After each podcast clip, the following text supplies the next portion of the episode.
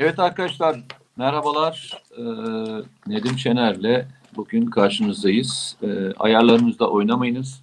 Ha, Ee, Nedim e, geçti. Nedim'in fotoğrafı değildir bu. Aynı espriyle yürümez bu işler. Yürümüyor bak. Yo yo İzleyici- yani e, İzleyici de sıkıldı. de- Yeni şeyler üret kardeşim. Bak Abi sen biz. de yeni şey üret.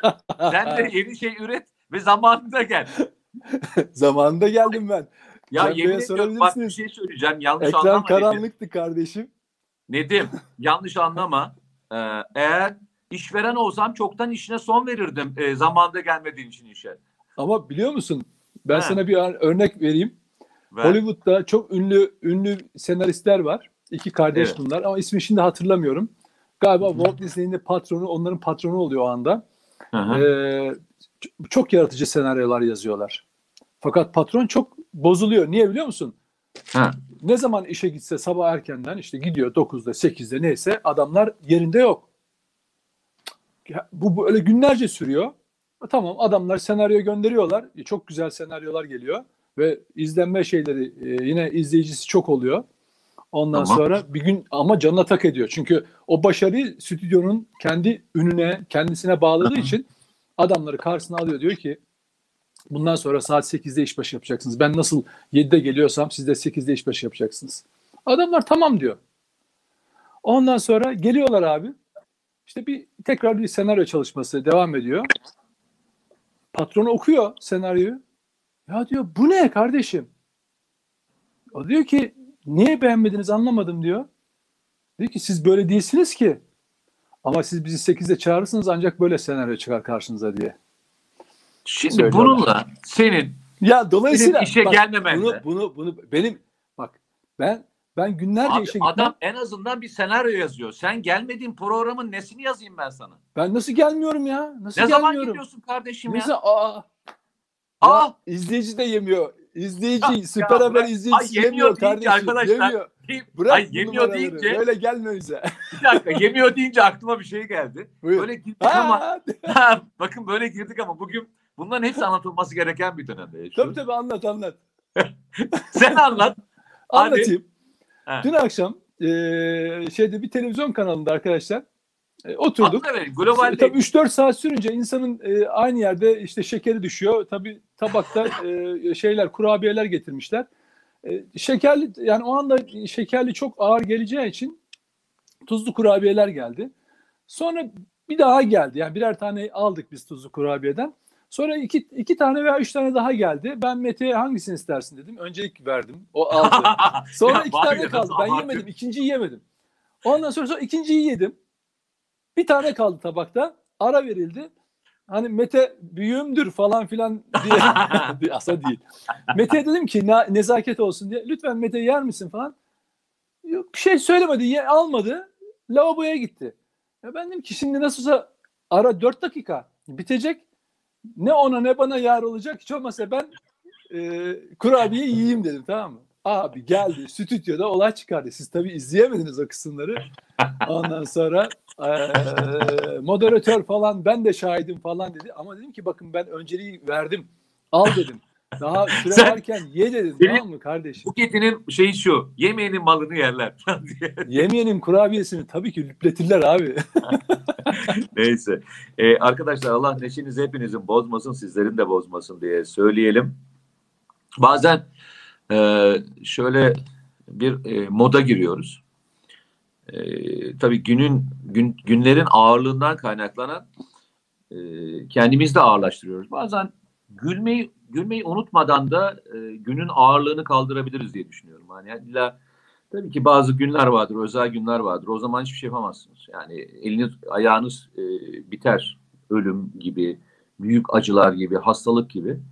Ama onun dışındaki birçok şeyin derdi var, şey dermanı var, e, derdin dermanı var.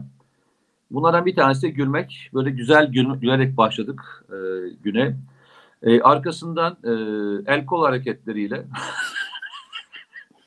dün akşam ne güzel geliyor, Ha, dün bak, akşam ne geliyor, güzel- geliyor, gel- Ay, dün geliyor, akşam ne güzel söyledi şey diyordu arkadaşımız. geliyor diyor. Ee, ne diyordu? Ee, şey e, Kılıçdaroğlu Elinin kendini çok güçlü arkasına el hareketleriyle konuşmaya başladı. mı evet, vurgu, evet, anlatımı güçlendirmek için yapılmış bir hareket. Ya hayır, İstersen e, Şeye Nedim bak elini kaldırmışken Böyle Ee, diye. başlasana sen de. Başlasana. Şimdi yapamam. İzley yani Süper Haber izleyicisine de ayıp olur. Ee, yapmamak Yok lazım. yok hayır, ona başla demedim. O Konuya. konudan. Ha konu tabii tabii şöyle. Ben ne anladım Ya- ki? Hareketi yapsana anladım. Yuh yani yemin ediyorum yani. canlandırma. Öyle zannediyorum. Yok canım yok. Olur Yanlış mu öyle şey? Evet, pardon. Şöyle bir şey Ee, şimdi tabii e, yani gerçekten insan e, şaşırıyor. Çünkü belki başkalarından bekleyebilirsiniz. Mesela ben bugün e, gazetede köşemde yazdım. 2013 yılında Sayın Cemil Çiçek o dönemki Türkiye Büyük Millet Meclisi'nde edilen küfürleri, hakaretleri e, raporlaştırmıştı. 111 sayfalık bir rapor. Kim, ve Cemil Çiçek hani- mi? Cemil Çiçek o zaman tabii. Çünkü çok, o zaman hatırlarsan e, bir AKP milletvekili Kamer Gence annesine, kendisine söylenmeyecek ne kadar ağır hakaret varsa bugünkü yazımda ben e, noktalayarak da olsa verdim. E, zannederim Zeyt Aslan'ın da o zamanki. Ama inanılmaz bir yani insan hani oku yani o küfrü duyunca hani şöyle söyleyeyim böyle başınız dönüyor, mideniz bulanıyor, böyle kimyanız bozuluyor. Yani vücut kimyanız bozuluyor. Anlaşılır gibi değil. Ya bir bakın hep arkadaşlar şunu söylüyorum. FETÖ'cüler dahi olsa, PKK'lılar dahi olsa lütfen bir erkeği aşağılamak için onun annesine, eşine, çocuğuna siz küfür etmeyin. Onlar ediyorlar. Onlar ahlaksız, onlar namussuz. Hele PKK yandaşları. Hele FETÖ yandaşları kriptolanmışlar sahte hesaplardan ana, avrat ne varsa küfür ediyorlar. Tamam? Niye? Küfürle sizi yıldırmak, ya yeter Allah belalarını versin deyip insanı bezdirmek istiyorlar falan. Allah aşkına karşınızdaki Emre Uslu gibi bir kişi olsa dahi, bak söyleyemiyorum, kişi olsa dahi lütfen onun annesine, rahmetli annesine küfür etmeyin. Bunu ben 2018'de yine bir vesileyle söylemiştim. Kaç yıldan beri söylerim. Çünkü bu sosyal medya korkunç bir yer.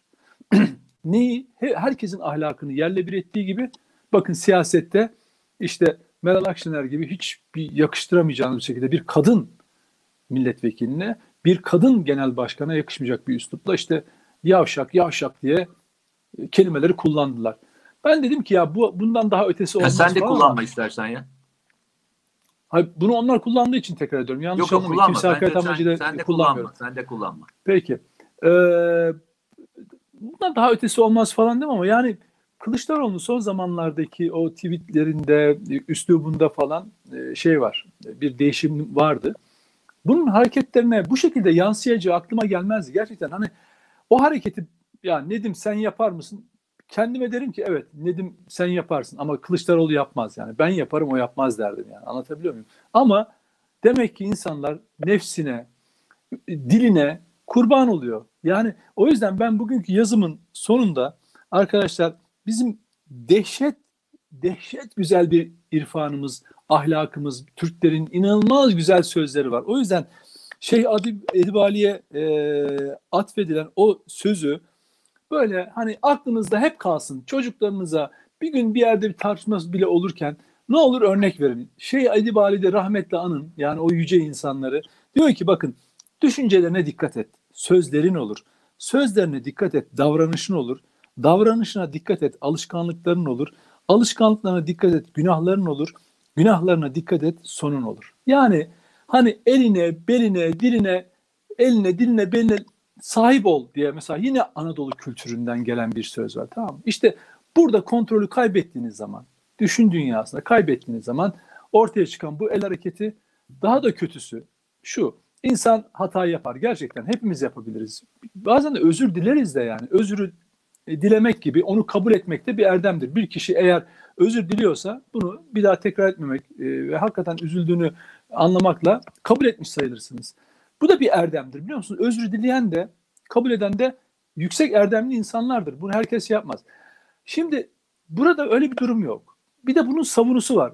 Deminden senin bahsettiğin gibi Mete, işte elin arkasına vurmak suretiyle anlatımı güçlendirmek amacıyla. Sonra ben gerçekten dün bütün sosyal medyaya yazı yazarken taradım. Ya acaba hakikaten bu hareketi elin arkasına vurmak şeklinde değerlen daha doğrusu bu e, ifadeyi eline arkasına vurmak şeklinde bir vücut dilimiz var mı bizim? Şey e, argo veya argo olmayan hani bir argo argo de, deyimler sözlüğümüz var ya. Acaba argo el hareketleri sözlüğümüz var mı? El, dil, vücut dili sözlüğümüz var mı diye baktım. Hiçbir yerde elinin arkasını vurmak suretiyle insanlara hani işte sana nasıl yüklediler falan e, ya da yüklediler gibi bir ifade yok. Bunu yapmış olan kimse de yok.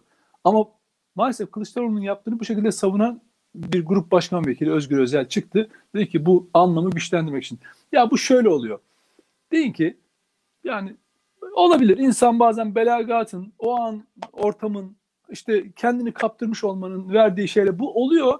Bunu Cumhurbaşkanı da e, diğer muhalefet liderleri de bazen ağızlarından istemediği cümleler, ifadeler kaçabiliyor. Bazen tam kaçmak üzereyken yakalandığı anlar da oluyor. Yani hani tam oradan dönüyor işte susuyorlar falan filan. Dolayısıyla olaya öyle bakmak lazım ama bunun kötü olan şu Mete, cümlemi öyle bitireyim. Hani hakaret, tehdit falan devam ederken e, küfür falan el hareketlerine geldi ve maalesef onun tabii kabul edilmez zirvesi İp, İpli e, Levent Türkkan'ın bir şehit yakınına e, bacını diye küfür etmesi idi. Orada kalır bundan ders çıkartırlar diyordum ama maalesef demek ki 2013'te Cemil Çiçek'in hazırladığı rapor aslında hani şey kalacak, çok gerilerde kalacak. O küfür ve hakaretlere el işaretleri de eklendi. Artık bunun için de ayrı bir e, rapor hazırlanır herhalde ileride. Ee, ben bunun buralara geleceğini açıkçası Nedim e, çok uzun zamandan beri e, ben de çekimlerde, televizyon programlarında ve diğerlerinde e, sıklıkla konuştuğum için benim için hiç sürpriz olmadı. Onu bir defa başlangıç itibariyle söyleyeyim. Bir önceki seçimde yani bu milletvekili seçimi dahil olmak üzere, yerel yönetimler dahil olmak üzere farkında mısın? en bariz küfürlere eden, erkek, e, kadın hiç fark etmiyor. E, ne kadar kuvvetli küfür ederse siyasette öne çıktığını gördüğümde demiştim ki artık arkadaşlar bunu durduramazsınız. Haklısın. E, çünkü e, insanların ettikleri küfürler yani şimdi şöyle düşün. Hani bazen diyorsun ya e, özür dileyerek söylüyorum. Hani erkek diyorsun başkasının işte bacısına falan küfür eder mi diyorsun mesela. Tabii. E, öyle kadınlar e, siyasete siyasette yer alıp e, Twitter'daki sosyal hesaplarından e, annesine, şeyine, kızına, çocuğuna, doğan çocuğuna evet. eden e, kişiler var ve bunlar siyasetteler şu anda. Evet. Ve önemli yerlerdeler, önemli evet. mevkideler bunlar. Doğru ve e, neredeyse siyaseten yükselmenin, liyakatin e, birer nişanesi haline gelmeye başladı. Tabii. Ve bu dedim artık öne alınamaz bir noktaya doğru gidiyor. Yani herkes bir defa dursun. Bakın bu üslup böyle gitmeye kalkarsa bu üslubun arkasından hareketler gelmeye başlar. Hareketlerin arkasından sonra da sokakta kavgalar vermeye başlar. Uyararak geldik Nedim sen de hatırla. Yani sen de zaman zaman konuştuğumuz televizyon programları memleket aşkında şunu anlatıyoruz. Bakın yukarıda oluşacak olan bir şiddetindeki bir depremin zeminde yani diğer yerlerdeki katmanlardaki şeyi bir şiddetinde olmuyor. Tabii depremin büyüklüğüyle şiddeti arasında fark evet o dediğin şey işte depremin büyüklüğüyle şiddeti arasında hissedilen aşağı yani, doğru 5'e doğru 5'e doğru 6'ya doğru gidiyor. Yani e, aşağıdaki etkisi çok daha fazla. Rica ediyoruz. Yani yukarıda bu kadar gerilim olduktan sonra aşağıda bir olay olduğunda kendinizi bundan muaf tutmayın arkadaşlar. Çünkü ben şunu hissediyorum artık yavaş yavaş bunu görmeye başladım ve kaygımı da söylüyorum. Sokaktaki insanlar birbiriyle konuşurken üsluplarını çok fazla sertleştirmeye başladılar. Tanıdık tanımadık. Kahvede, evin içinde, arkadaş ortamlarında, yemekli bir yerde, masaların yan taraflarında olan ortamlarda insanlar birbirlerine laf atmaya başladılar. Bakın siyasi laflar atmaya başladılar. Bu iyi bir işaret değil. İyi bir işaret olmadığını söylüyorum. Artı başka bir şey daha var. Siyasetçiler de tepede oldukları halde Bunlardan bir tanesi işte demin senin verdiğin örnekti. Ee, en ağır küfrü etmiş olmalarına rağmen mesela toplumsal olarak tepki vermesini beklediğiniz kurum, kuruluş, STK veya siyasi partilerden bununla ilgili en ufak bir şey almadınız. Tepki almadınız. Artık öyle bir noktaya geldi ki acılarımız bile ahlaki, etik ve e, acı dahil ayrılmaya başladık arkadaşlar. Normalde insanların acıları birleştirir. Yani bir şehit cenazesi birleştiricidir aynı zamanda. O mahalledeki bütün insanları o cenazeye götürür. Bir cenaze, bir yokluk, bir hastalık bunlar insanları birbirleriyle kenetleştiren de olaylardır. Toplumlar yalnızlar sevinçlerine birleşmezler. Yani futbol maçını kazandığınızda sokağa çıkarak birleşmezsiniz aynı. Asıl kuvvetli olanlar acılarda birleşmedi. Şimdi bakıyorsunuz ülke ocaklarından bir hanımefendi hayatını kaybediyor. Tık yok. Bir şehit annesine, şehit bacısına en garis, ondan daha ağır bir küfür yok zaten. Hani edilebilecek bir kadına edebilecek en ağır küfür bu. Bu küfür ediliyor ve en ufak bir tık yok. İki gün sonra, üç gün sonra yaşanacak diğer olaylarda aklı selim insan bulmakta zorlanacağız dedim. Hani mahallenin eskiden şeyleri vardı hatırlarsan. Böyle e, abileri vardı, ablaları vardı. Hani onlar sokağa çıktıklarında şey derdi. Durun dediğinde herkes şöyle bir tıp diye kalırdı hatırlarsın değil mi? Tabii tabii. tabii. Onlar dur deyince dururduk yani. Abi abla falan denmezdi. Dur bitti. Kavga biterdi orada. Şimdi ben size söyleyeyim. Aklı selimin kaybolduğu yerde kim durduracak arkadaşlar? STK'sı bölünmüş durumda. İnsanlar ortadan ayrılmış durumda. Fikri olarak gerçeklikten kopmuş durumdayız. Ya rica ediyorum ya. Yani sonuçta bir seçime gideceğiz 2023'te veya erken veya tam zamanında. Ya biz seçime gideceğiz arkadaşlar. Memleketi ikiye ayırmayacağız. Yani e, memleket bölünmeyecek. Sonuçta seçime gidecek. Bu seçime gittiğimiz yerden sonra tekrar beraber yaşamaya gideceğiz. Yaşamaya çalışacağız. Beraber yaşayacağız ya. Bu şekilde bu yoğunlukta başlayan bir seçimi seçim e, atmosferinin 2023'te nasıl olacağını düşünebiliyor musun dedim. Tahmin edebiliyor musun? Yani. Yani.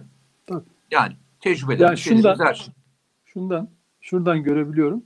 Mesela ben bugünkü yazıma biraz değineyim.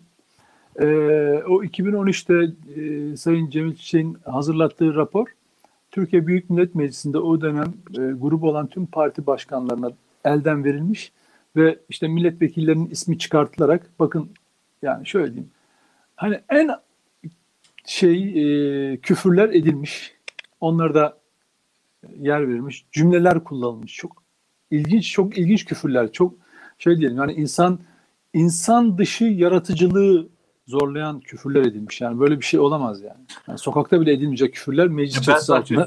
Yani e, neredeyse yeni bir e, sözlük yazılmış. Küfür sözlüğü. Aynen aynen. Büyük Millet Meclisi'nde bu olmuş. Gerçekten ben de onu teyiden o tarihte e, arama e, meclis e, tutanakları arama bölümünden girdiğim zaman hakikaten girin o kelimeleri teker teker önünüze dökülüyor. Yani korkunç bir şey. Bir, hiçbir ülkenin meclisinde böyle bir şey yoktur. Yani adamın adama mesela suçlayabilirsin. Siyaseten siyasi bir sıfat kullanabilirsin. Ama adamın annesi, çocuğu, kadını, eşi ya inanılmaz şeyler söylenmiş. Ee, Yedi sülalesi.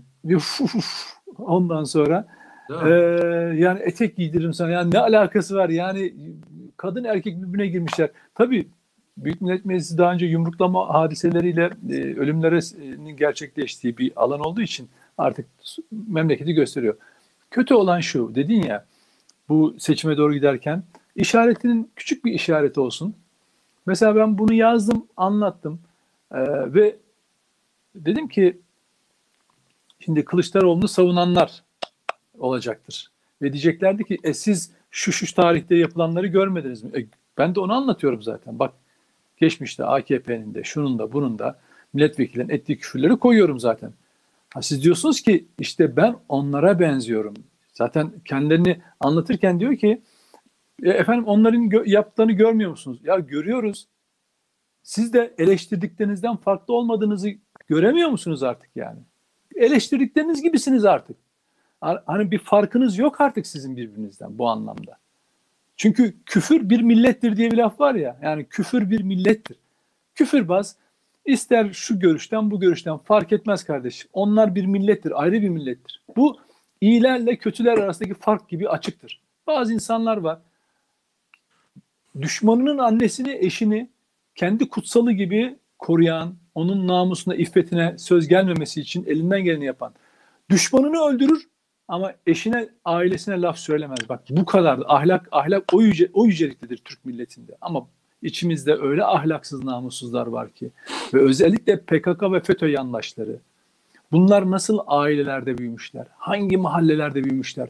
Milletin annesine, ailesine, karı, sırf rencide etmek için ha, üzmek için, onu böyle acıtmak için canını ailesine, kızına, çocuğuna küfrediyorlar. Şey gibi böyle Sevgili e, sevgili alçak sevgili e, Nedim. Sevgili Nedim. Bir, bir cümlemi Şimdi, söyleyeyim. e, hayır Bugünkü orada yazı- şunu hayır şunu unutma diye söylüyorum.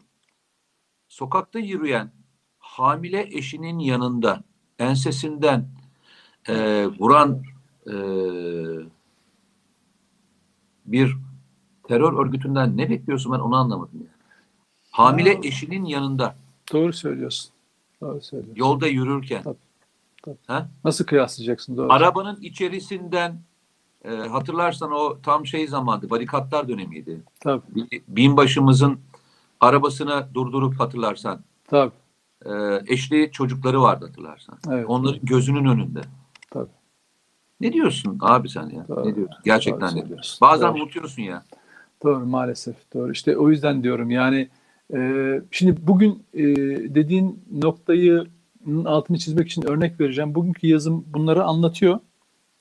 Altta tabii bir sürü insan yorum yapmış falan da bayağı okunuyor yazı. Şu anda hala internet sitesinde duruyor. Alttaki yorumlara bak. Ne var? İyi yapmış. Hak ediyor bunu. Şu bu. Ya destek oluyorlar biliyor musun?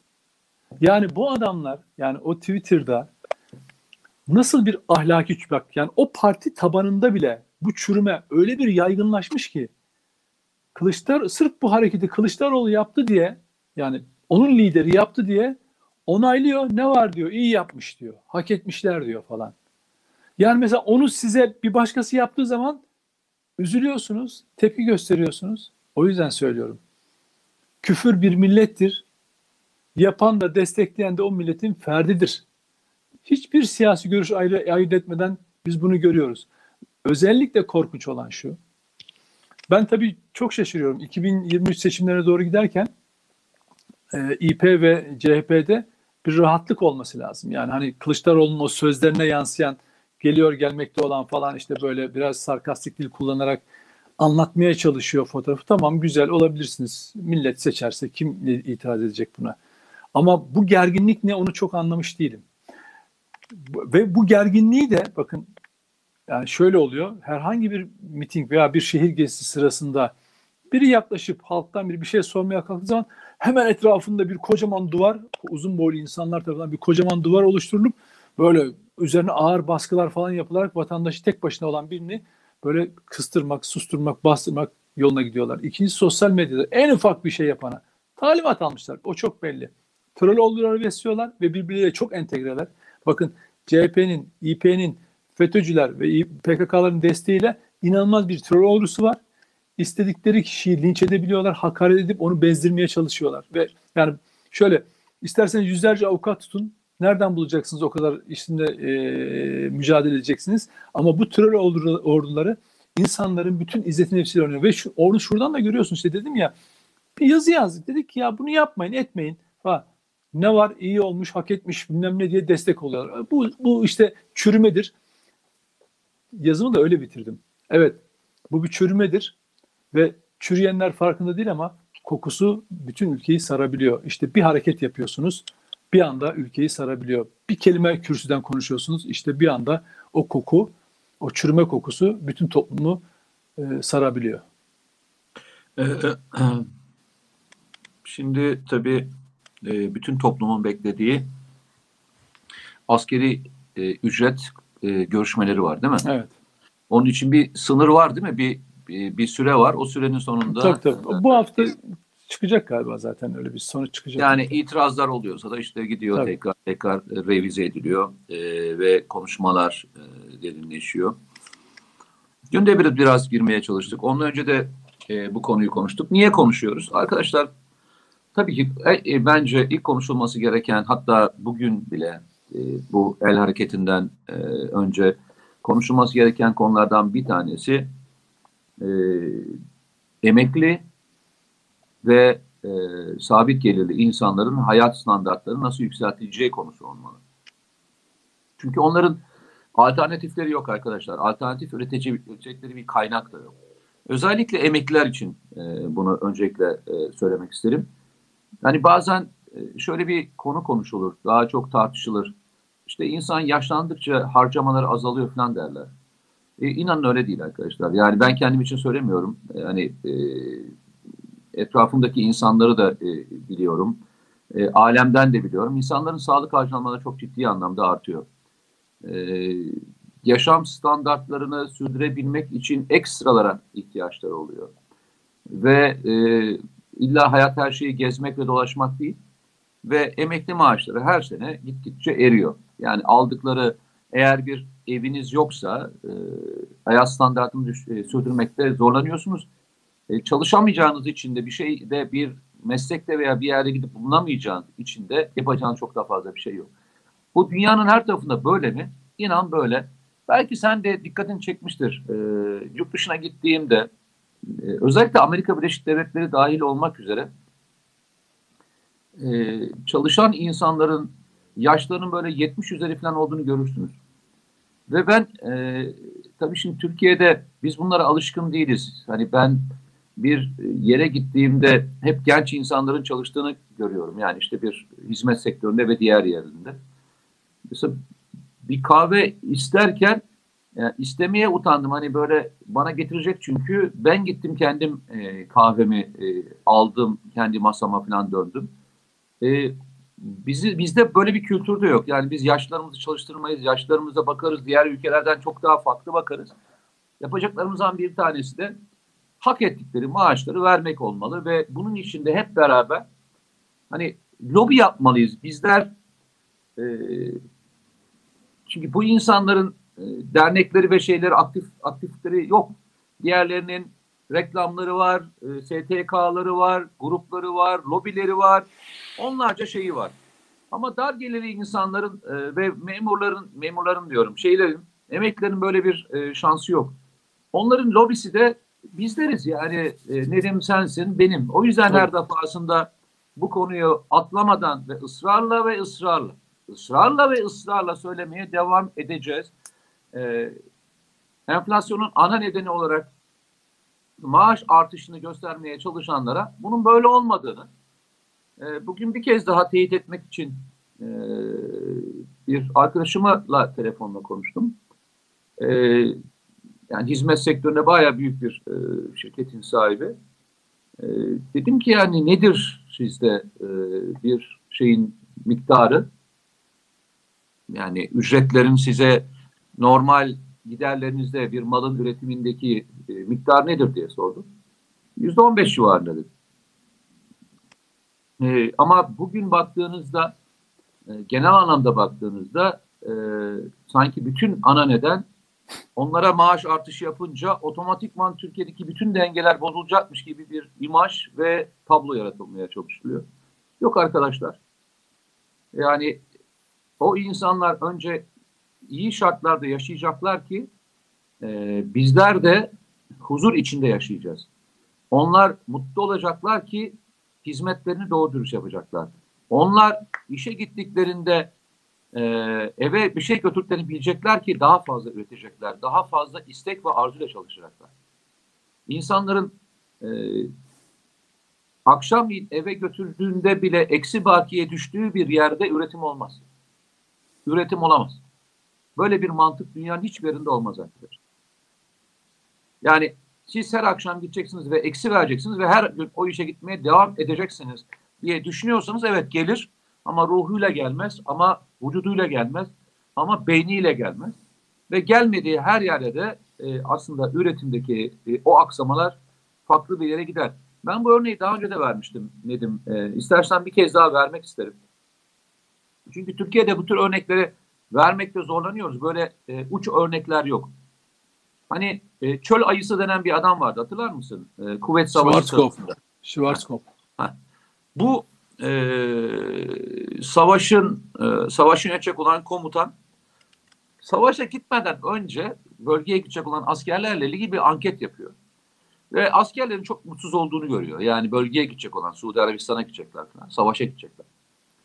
Ve araştırmanın sonucunda şu ortaya çıkıyor. Amerikan askerleri yurt dışındaki göreve gittiklerinde bizim gibi değiller. Bizde e, bütün askerlerin harcamalarını devlet karşılar. Ama onlar öyle değil. Kıyafetini de kendi parasıyla alır. İşte e, yiyeceğini de kendisi alır. Onların e, Gerçekten mi ya? mağazaları vardır. Şey mağazaları vardır. Gözlüğünü kendin alırsın. Tamam mı? Yani Allah. silahını veriyor da yani mermini veriyor da onun dışındaki bütün harcamaları kendileri karşılarlar. Tabii bir de orada ekstra olarak aldıkları içecekler, içecekler falan var. Hesaplıyorlar diyorlar ki biz e, evimizden uzaklaştığımızda ikinci bir masraf çıkıyor bize ve ikinci masraf çıkınca yaklaşık 500 dolar civarında o zamanki yapılan araştırmalara göre bir, biz eksiye düşüyoruz. Yani yurt dışında göreve gittiğimizde biz ailemizi geçindiremiyoruz. Yani geride kalan ailemizin şeyi kalmıyor, yiyecek parası kalmıyor. Çuvaskop bunu raporlaştırıyor ve o dönem e, senatoya e, ve işte Pentagon'a veriyor bu raporu ve yurt dışına gidecek olan kişilerin maaşlarını arttırıyorlar. Yaklaşık o kadar. Yani o dilim kadar arttırıyorlar. Ve o dilim kadar arttırıl, arttırıldığı için de gerçekten de performans inanılmaz bir şekilde artıyor. Ben bunun aynısını e, Kredi Yurtlar Kurumu'nda e, zaman zaman konuşma yapmaya gittiğimde e, öğrencilerle oturdum konuş, konuştum. Yani e, öğrencilere dedim ki arkadaşlar sizler geliyorsunuz. Tabii bu konuşma yaptığım kişiler de tamamen dar gelirlerden bahsediyorum. Yani parası olan zaten hani e, bu konuşmanın içerisinde bir e, bilgi alabileceğim bir yer değil. Devletten, ailenizden bir kuruş para almasanız ne kadar liraya geçinebilirsiniz? Sorun bu. Yani o zamanki sorum. Hatta bunu ben yazıya döktüm. E, köşemde yazdım. Çocuklar kalem kalem yazmışlar. İşte devlet bize işte günlük şu kadar yiyecek parası veriyor. Sabah kahvaltısı ve akşam yemeği. Bunu karşılıyorlar. Ee, işte devletin verdiğinden devlet şeyi kesiyor. Kredi yurtlar kurumunda kalıyorsa şu kadarını kesiyor. Ve ellerinde kalan bir miktar para var. Şu kadarlık bir para kalıyor. Rakamsal olarak yanlış hatırlamıyorsam 200 lira civarındaydı. Şimdi rakamlar değişti tabii. Ee, yapıyorlar yapıyorlar ve en sonunda nereye geldi biliyor musun? Bizim için çok fazla önemli olmayabilir. Birçok kişi için bunu anlamakta zorlanıyor da olabilir. Hani insanlar okula gitmek için otobüse falan biniyorlar ya. Şimdi her gün otobüse biniyorsun. Gidiyorsun, geliyorsun, gidiyorsun, geliyorsun bir miktar veriyorsun. O miktar bile anormal şekilde onları yoruyor. Yani 2 lira, 2,5 lira olan e, bir ücret inan öğrencinin o kıt kanaat durduğu yeri anormal şekilde sarsabiliyor. Anlattılar anlattılar. Peki dedim çocuklar ne kalıyor? Dediler ki bizim okulda gitmek için öğlenleyin gittiğimizde yemek için para kalmıyor. Nasıl dedim kalmıyor?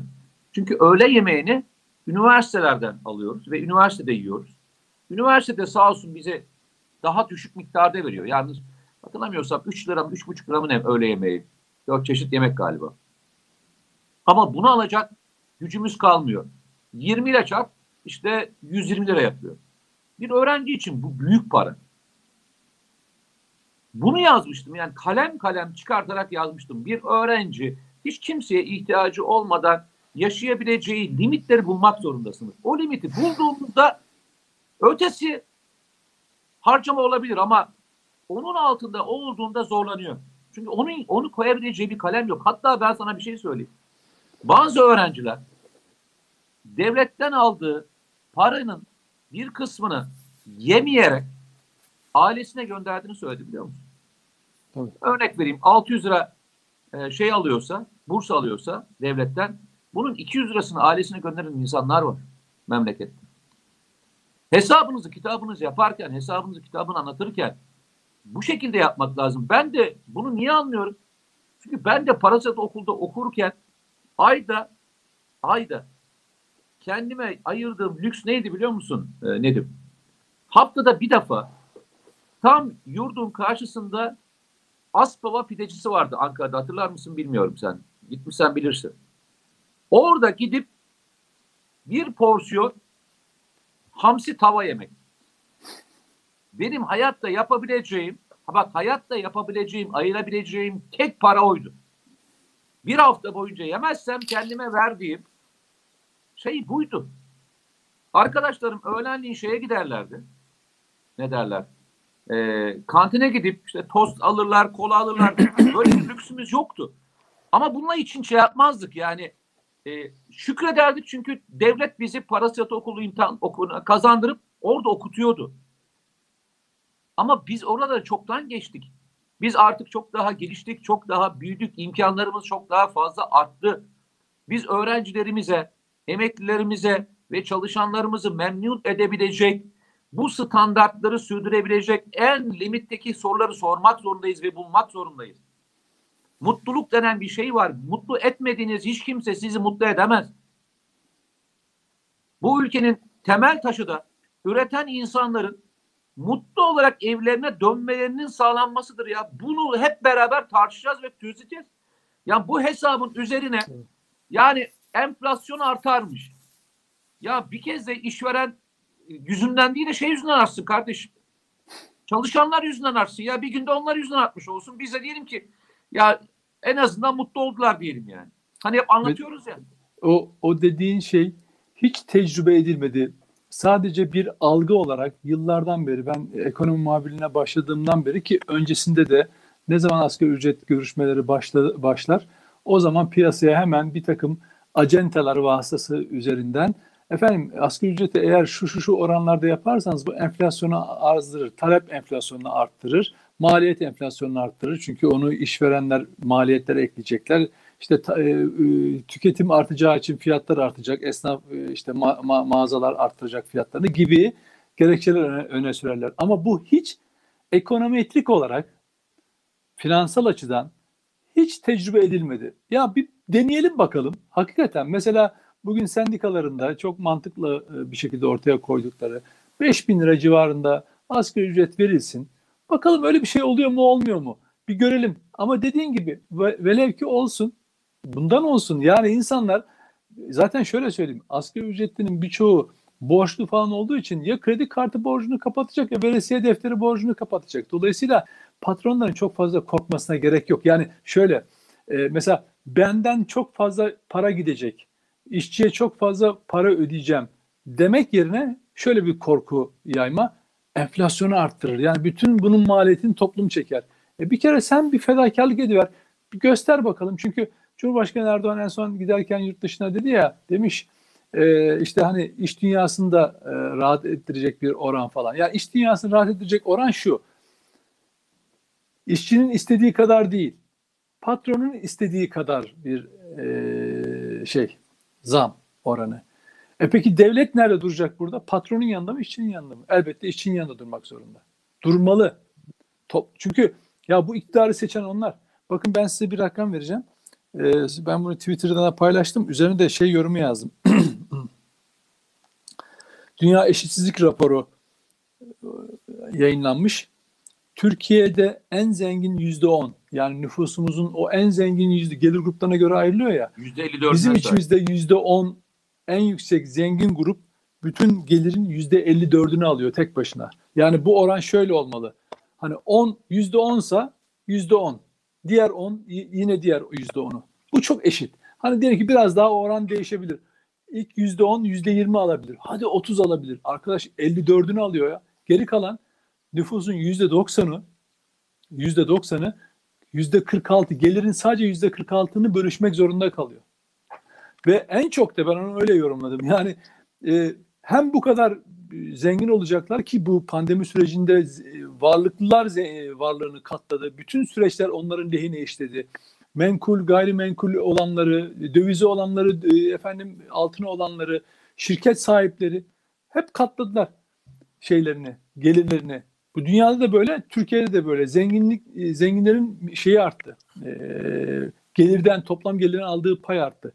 Ama şunu yapmak istemiyorlar. Toplumun geri kalanında bunu bölüşmek istemiyorlar. Hala onlara mal satıp onlardan almaya çalışıyorlar. Nedim E sen kardeşim peki hangi gelirle alacaklar bunları? de yapacaklar? gitmiş olabilir mi? Efendim? İkimiz de gitti galiba görüntü de diyorum. Yok ben şey yapıyorum. Beni görüyor musunuz? Ben görüyorum. e, herkes herkesi görüyor galiba.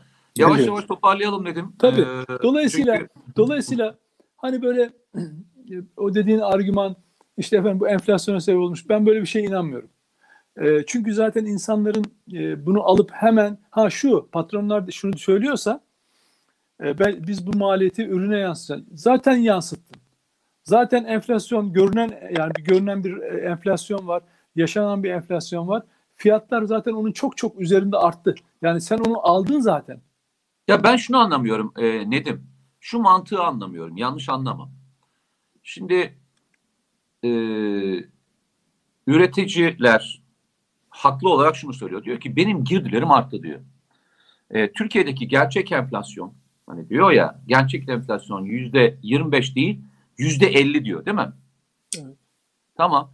İyi de o zaman arkadaş yüzde 50 ise ve sen yüzde 50'yi e, ürünlerine yansıttıysan ve burada bir haklılık oluşturmuşsan e niye e, çalışanların yüzde 50 enflasyon e, payını vermekten zorlanıyorsun? Tabii. Niye abi? Ya bu şartlarda Mete çok sen güzel hesap yapıyorsun bu konuda. E, matematiğin sağlam. E, Ama e, 2800 son şeyi ya. sen yiyorsun. Hı? Son şeyi poğaçayı sen yiyorsun. Tamam peki. E, 2800 lira arkadaş. Ya bir yandan dün yine konuşurken sen söyledin ya. Yani adam o ücretle nasıl çalışmayı kabul etsin? Ve bugün ben yine konuştuğumuz iş adamları falan işte 5 bin liraya 6 bin liraya e, çalışan bulamıyoruz. E, yap asgari ücreti 5 bin lira. Üzerinde koy farkını sektördeki e, kalifiye eleman farkını koy. İnsanlar hiç olmazsa nefes alarak yani o demden dedin ya e, Iraklı örneğini verirken Amerikalı askerler insanlar yaptığının emeğinin karşılığını aldığını düşünmeliler, görmeliler. Yoksa öbür türlü e kardeşim gidiyorum, o kadar yoruluyorum, çalışıyorum. E yani hiçbir emeğin karşılığını alamıyorum. E tabii iş aramaktan bile kaçıyor insanlar. Onu biraz o yüzden hani çalışmayı ücreti yüksek tutarak cazip kılmak gerekiyor. Çünkü o adam orada çalışacak, evine, çocuğuna ekmek götürecek. Çalışıp da evine hala ekmek götüremiyorsa, akşam çocuğunun yüzünü güldüremiyorsa adam nasıl çalışacak? Adam o zaman evine en yakın yere arıyor. Ama belli mesafeye, fabrikalara, atölyelere gidip çalışmak için adama haklı bir neden yaratacaksınız. O neden de gelirden alacağı adam gibi pay yani. Aynen öyle. Arkadaşlar inşallah e, aklı selim hem işverenlerin hem e, işçi sendikasının hem de devletin e, herkesin memnun edecek bir yöntemle asgari ücreti belirlemesine rica ediyoruz. Evet. Yani rica ediyoruz. E, ve bu yaşanacak olan e, çıkacak olan rakamın da Türkiye'nin huzuruna büyük katkı sunacağını düşünüyoruz. Ya Mete şöyle Çalışan ve e, parasını alan, evine mutlu giden insanlar mutlu insanlardır. Arkadaşlar e, lütfen e, insanların bu mutluluğunu ellerinden almayın ve lütfen e, tartışmalarınıza vicdani olarak da bir kişinin yaşayabileceği ücretin ne olacağını vicdani olarak bir kez daha düşünmenizi tavsiye ederim. Ya bir şey söyleyeyim. Bakın e, bu konudaki duygumu bir çalışanla bir şoför olabilir, Hı hı. bir işçi olabilir. Konuşurken ücret konusu açıldığında ne alıyorsun diye sorduğumda 2800 küsür lira dediğinde 300 lira 400 lira da yemek parası dediğinde size yemin ediyorum sanki o maaşı veren işveren yerine ben utanıyorum. Sanki ben yapıyormuşum o haksızlığı gibi başımı öne eğiyorum. Ne diyeceğimi bilemiyorum. Yani Allah kahretsin bu insana yapılır mı? Bir insan o rakamı bölüyorsun, çarpıyorsun. Adama verdiğin para 2800 lira, 3000 lira hadi diyelim. Ondan sonra bir de yemek parası veriyorsun.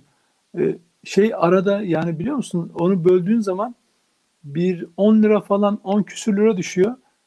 Yani çorba içemiyor mesela onunla. Adam e, yemek parası almış. İşte ne o fişler falan var yani şeyler, kartlar falan. Onunla. Yani onu söylediği zaman ya sanki onun patronu benmişim gibi utanıyorum biliyor musunuz onu duyduğum zaman. O yüzden bu utan hepimizden bu utancı kaldırmak devletin düzenleyici rolüne, hakem rolüne ondan sonra işverenin de fedakarlığına e, kalıyor. O yüzden bunun e, vebalinin altında kalmamak için e, çalışanlara o ekonomik krizin, pandemi sürecinin yarattığı hasarı telafi edici bir ücret hakikaten Mete'nin söylediği gibi biz de rica ediyoruz yani. Çok teşekkür ediyoruz. Ee, kendinize iyi bakın arkadaşlar. Allah'a emanet olun. Ee, fikirleriniz ve ideolojilerinizi savunmak için her türlü argümanı kullanabilirsiniz. Ama kullandığınız argümanlar eğer bölücülüğe, etnik veya mezhepsel e, sorunlara e, kaşıyacak şekildeyse uzak durun. Sizden de ikinci ricamız da bu olsun. Kendinize iyi bakın. Allah'a emanet olun arkadaşlar. Görüşürüz arkadaşlar. Sağ olun.